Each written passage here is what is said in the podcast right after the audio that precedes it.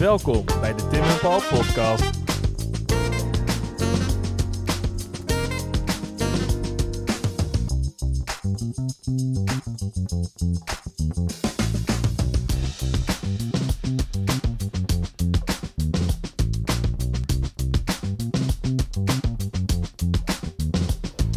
Tim, we staan weer bij een monument waar eh, niemand anders bij staat. Nog steeds in de Nieuwe Nog Kerk. steeds in de Nieuwe Kerk. Dus, eh, ja, mensen zijn druk bezig met eh, fotografie, sport, politiek, allerlei andere ellende, klimaatverandering en foto's. En wij staan bij het praalgraf van... Wie staan we? Ja, dat wilde ik eigenlijk net aan jou gaan vragen, Paul. Wat zie je? Ik zie een man van is dat marmer. Het is niet een echte man, een man van marmer. die eh ten ruste ligt met zijn hoofd op een kanon. Ehm, op het land, dus, dus dit keer is het een kanon, geen kanons. En dat is ook enkelvoud. Ja. Eh, en hij heeft een prachtige ster op zijn borst. Dat zal ongetwijfeld de, de Willemsorde zijn. En hij ligt er vredig bij. Zeker. Hij heeft een mooie zijn arm om zijn, om zijn middel heen. En, eh, alsof hij ligt te slapen eigenlijk. Ik zal je het vertellen, Paul. Je kijkt naar meneer Van Kinsbergen, admiraal van Kinsbergen. eh, en je had het inderdaad eh, goed. Hij heeft op zijn borst een medaille in de orde van de Willemsorde. Maar het is niet zomaar een, eh, een rang daarin. Het is het Groot Kruis. Hoger is er niet. Het is ook wel echt vrij groot. zijn borst. Zeker. En de, en de militaire Willemsorde kent eigenlijk vier klassen. Eh, je kan dus het Groot Kruis hebben, je kan commandeur zijn en uiteindelijk een ridder. Ehm, en dit is de eerste klasse, zeg maar even. En al die andere medailles waar je altijd over hoort, is allemaal vierde klasse. Dus ook de recente Wille- Willemsorden, Het zijn allemaal vierde klassen. allemaal vierde klasse. En dit is dus echt een van de weinige mensen die, die, die dat gro- Groot Kruis heeft.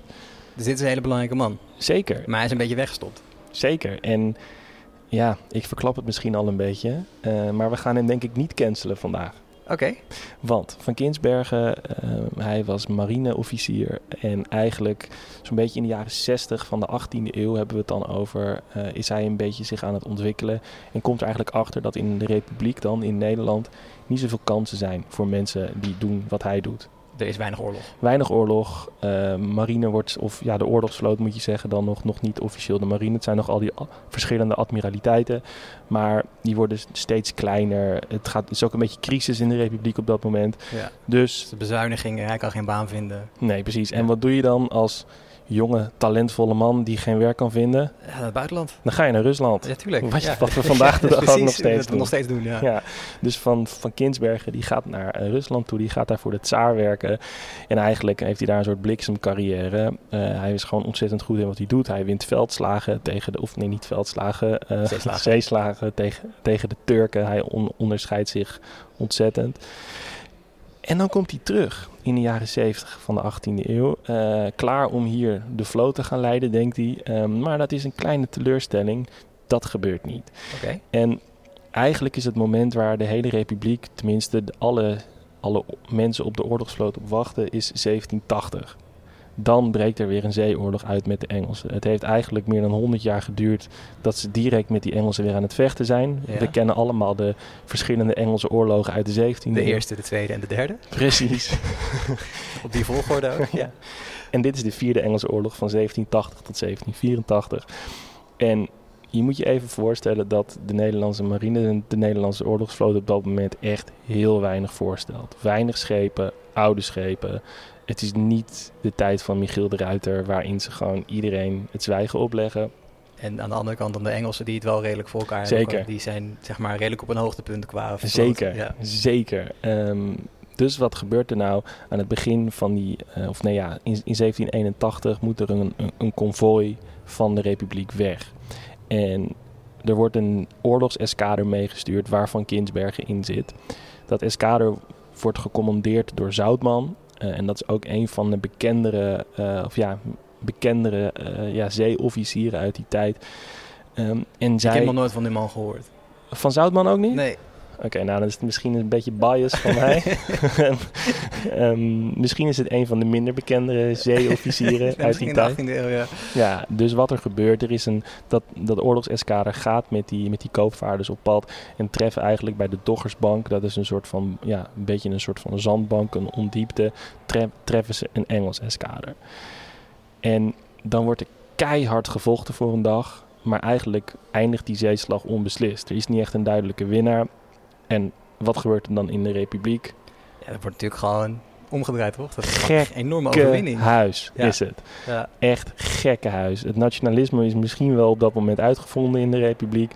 Die admiraals die kunnen niet meer op. Het zijn de helden van de Doggersbank. Ze hebben de Engelsen verslagen. Het is helemaal niet waar. Maar vooral belangrijk dat ze niet weer verloren hebben. Want eigenlijk die hele vierde Engelse oorlog verliezen ze overal schepen. Ko- koopvaarders worden, worden, worden opge- opgebracht. Allemaal ellende. Geld wordt verloren. En dit is de eerste keer dat ze niet verliezen. En Van Kinsbergen speelt daar een hele belangrijke rol in. Zoutman leidt het eskader.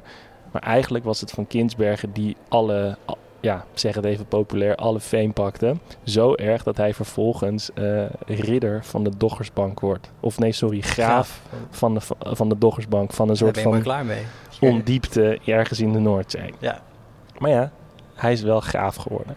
En eigenlijk eh, kort daarna, hè, na die Vierde Engelse Oorlog, eh, dan komt de, pa- de Orangisten, de Patriotten, er komt ellende. En, en eigenlijk in 1795 is er een soort van revolutie, het staatsbestel verandert. En dan raakt Van Kinsbergen in ongenade. Hij is dan niet meer de guy...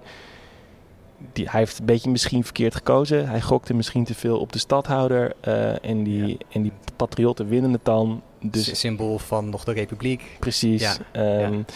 Maar ja, voorafgaand aan, aan de restauratie, voordat eh, Willem koning wordt, eh, is hij er weer. Hij zit even een soort van ondergedoken. Hij, is een klein, klein beetje gecanceld. hij is een beetje onderlo. eh, Ja. En dan daarna komt hij gewoon weer terug. Hij is weer vet. Hij is die guy. Hij is dan ook al heel oud. Maar hij is wel gewoon die imposante meneer. Sluit verdragen met de Fransen.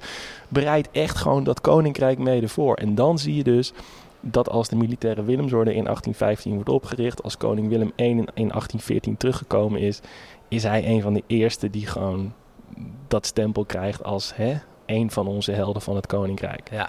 Hij overlijdt in 1819. Hij heeft het nog net dus zelf meegemaakt. Maar wat heeft hij dan nog gedaan na zijn, eh, zijn strijd bij de Doggerbank? Naast dat hij diep, een soort van half diplomaat en onderduik is geweest. Maar heeft hij nog verder nog wat betekend? Ja, zeker. Hij heeft, hij heeft, hij heeft een hele hoop, hoop geschreven, bijvoorbeeld over de staatsvloot. Of Over de Doggersbank en zijn acties? daar? Nee, ja, ook, ook wel daarvoor al. Dat hij een soort van aankaartte hoe slecht het gesteld was met de vloot. Dat er geen goede bemanningen waren. Dat, we, dat er echt iets moest gaan, gaan gebeuren.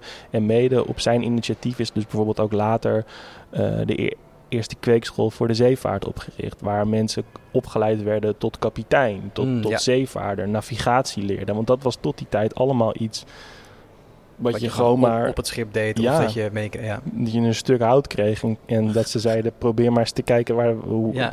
Waar we zijn met de sterren. Niet heel gek dat je dan die, die vierde oorlog lekker verliest. Als Ja, de dus-.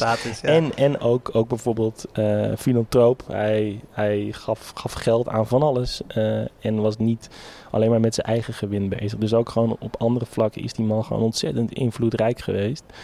En ik zou wel kunnen zeggen dat hij de basis heeft, heeft gelegd voor de, voor de marine van, van het Koninkrijk. Ja, dus ik vind wel dat er een iets prominentere plek mag komen eh, voor Van Kinsbergen. We hadden het net al eventjes of in de vorige aflevering over Van Spijk.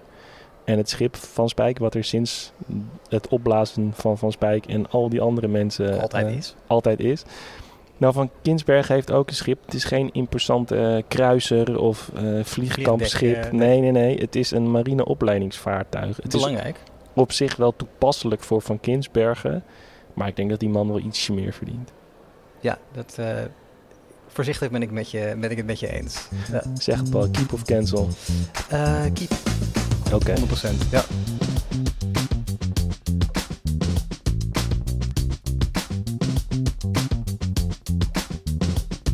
Vond jij dit nou een interessant verhaal en wil je meer over geschiedenis weten? Hou dan onze Instagram in de gaten. We zouden het ook heel leuk vinden als je een recensie achterlaat. Vijf sterren, mag gewoon. En heb je nou een vet idee waar we het over kunnen hebben? Slide dan in onze DM's. Durf gewoon te vragen. Tot de volgende. Groetjes thuis.